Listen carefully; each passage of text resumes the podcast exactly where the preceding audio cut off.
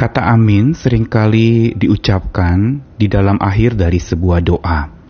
Selesai diungkapkan sebuah doa maka penutup kata amin itu seolah menyudahi doa itu.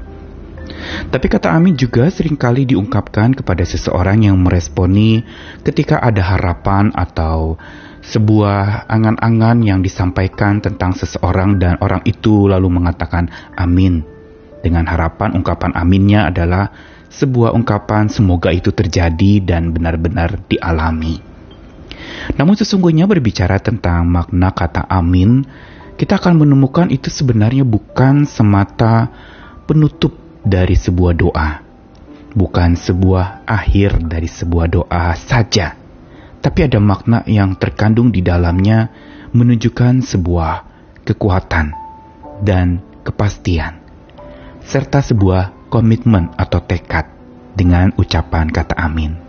Sehingga memang kita tidak patut untuk sekedar mengucapkannya tanpa memiliki makna yang benar tentang amin itu.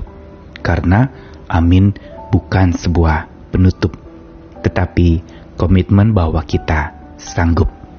Saya Nikolas Kurniawan kembali menemani di dalam Sabda Tuhan hari ini dari satu bagian firman Tuhan di 2 Korintus pasal yang pertama ayat yang ke-17 sampai 22 dari Rasul Paulus kepada jemaat di Korintus yang mengatakan, "Jadi, adakah aku bertindak serampangan dalam merencanakan hal ini? Atau adakah aku membuat rencanaku itu menurut keinginanku sendiri sehingga padaku serentak terdapat ya dan tidak? Demi Allah yang setia, janji kami kepada kamu bukanlah serentak ya dan tidak. Karena Yesus Kristus anak Allah yang telah kami beritakan di tengah-tengah kamu, yaitu olehku dan oleh Silwanus dan Timotius, bukanlah ya dan tidak. Tetapi sebaliknya di dalam dia hanya ada ya. Sebab Kristus adalah ia bagi semua janji Allah. Itulah sebabnya oleh dia kita mengatakan amin untuk memuliakan Allah.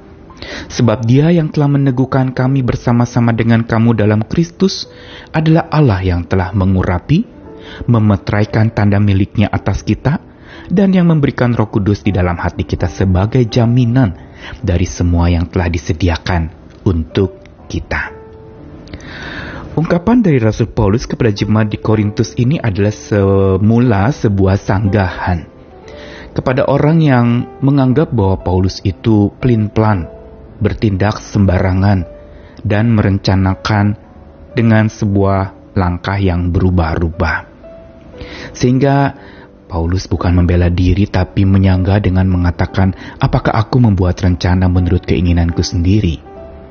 Sehingga padaku kadang-kadang ya dan kadang-kadang tidak. Paulus mencoba menegaskan bahwa apa yang dia rencanakan dalam pelayanannya bagi jemaat di Korintus adalah sesuatu yang bukan menurut keinginannya sendiri. Tetapi dia menjalankannya sesuai dengan pimpinan dan tuntunan tangan Tuhan. Sehingga dia mengatakan ayat 18, Demi Allah yang setia, janji kami kepada kamu bukan ya dan tidak, berubah-ubah. Tetapi dia mengatakan lagi, karena Yesus Kristus anak Allah yang telah kami beritakan, bukanlah ya dan tidak, tetapi di dalam dia hanya ada ya Berarti memang yang diikuti oleh Rasul Paulus bukan keinginan hatinya atau keinginan dagingnya untuk pergi melayani atau merencanakan ini itu. Tetapi dia berjalan bersama dengan Tuhan yang mengutusnya. Sehingga dia mengatakan bahwa di dalam Tuhan Yesus Kristus hanya ada ya. Dialah ya bagi semua janji Allah. Dan karena itu kata ya ini lalu disahkan dengan sebuah ungkapan amin oleh Kristus, oleh Tuhan kita bisa bilang amin. Dengan satu tujuan bukan sebuah penyudahan harapan atau penyudahan sebuah doa yang dilantunkan. Tapi amin ini justru dikatakan kita mengatakan amin untuk memuliakan Tuhan. Untuk memuliakan Allah. Di sinilah sebenarnya yang ingin diajarkan lewat ungkapan Rasul Paulus kepada jemaat di Korintus dalam suratnya yang kedua ini yaitu dia mau untuk kita bukan sekedar mengatakan amin. Tapi kalau kita bilang amin itu biarlah amin itu benar-benar dari hati kita yang percaya. bahwa apa yang kita rencanakan, apa yang kita lakukan, apa yang kita laksanakan dalam hidup kita itu semata-mata terjadi hanya oleh kuat kuasa Tuhan saja. Karena hanya di dalam Dia ada ya. Kalau Tuhan sudah berjanji ini, maka ya itu pasti akan digenapi. Dan untuk itu kita meresponi dengan mengatakan, ya sungguh-sungguh saya percaya, saya setuju, saya sepakat bahwa memang Tuhan yang menuntun saya, Tuhan akan menyertai saya. Kata amin sesungguhnya menunjukkan sesuatu yang mengungkapkan sebuah kesungguhan sungguh-sungguh terjadi, ya benar-benar akan terjadi. Apalagi itu memang adalah janji Tuhan, pasti akan tergenapi walaupun waktunya belum tentu sesuai dengan rencana waktu kita. Dan di balik kata amin itu saja bukan adanya sebuah ungkapan percaya kepada Tuhan yang meneguhkan. Tetapi juga kata amin merupakan sebuah pemberian diri untuk diberdayakan oleh Tuhan yang Maha Daya itu.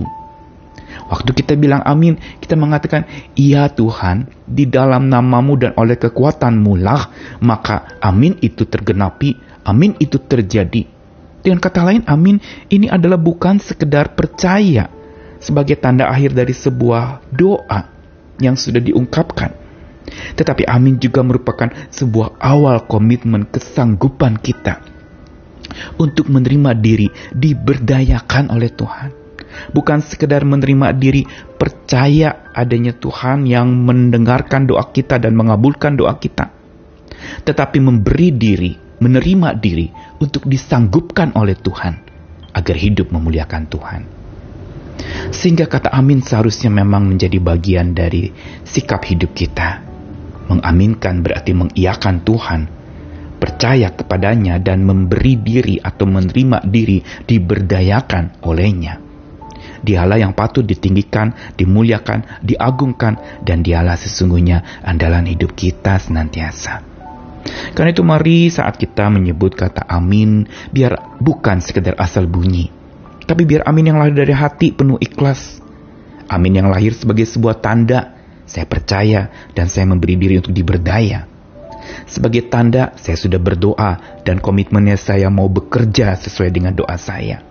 Saya mau berjaga-jaga sesuai dengan doa saya. Bukankah Tuhan meminta kita berdoa bukan sekedar asal bunyi, tapi berdoa sambil berjaga-jaga dan berdoa sambil bekerja. Yang berarti berdoa dan berjaga-jaga serta bekerja adalah sebuah rangkaian ungkapan hubungan kita dengan Tuhan. Yang selalu terbuka, berjalan bersama dengan dia yang memberi kesanggupan kepada kita. Dan membuat kita juga sanggup untuk membuat komitmen agar hidup kita memuliakan nama Tuhan. Mari katakan amin dengan hati yang tulus dan ikhlas. Amin yang bukan menutup, tapi amin yang membuka tingkap-tingkap kasih Tuhan terungkapkan buat setiap kita, menolong dan menyertai kita senantiasa ada amin. Ya kepada Tuhan, setuju dan sepakat dengan Tuhan kita. Mari kita berjalan lagi, katakan hari ini Tuhan, saya mau berjalan bersama dengan Tuhan. Engkau ada di depan saya memimpin, Engkau ada di belakang saya memotivasi saya, Engkau ada di samping saya menjadi sahabat saya, dan bahkan Engkau ada menggendong saya saat saya tidak berdaya. Tuhan mengasihi kita sekalian, jangan takut melangkah bersama dengan Tuhan kita yang selalu ada amin. Dia katakan, iya, aku mau berjalan denganmu. Amin.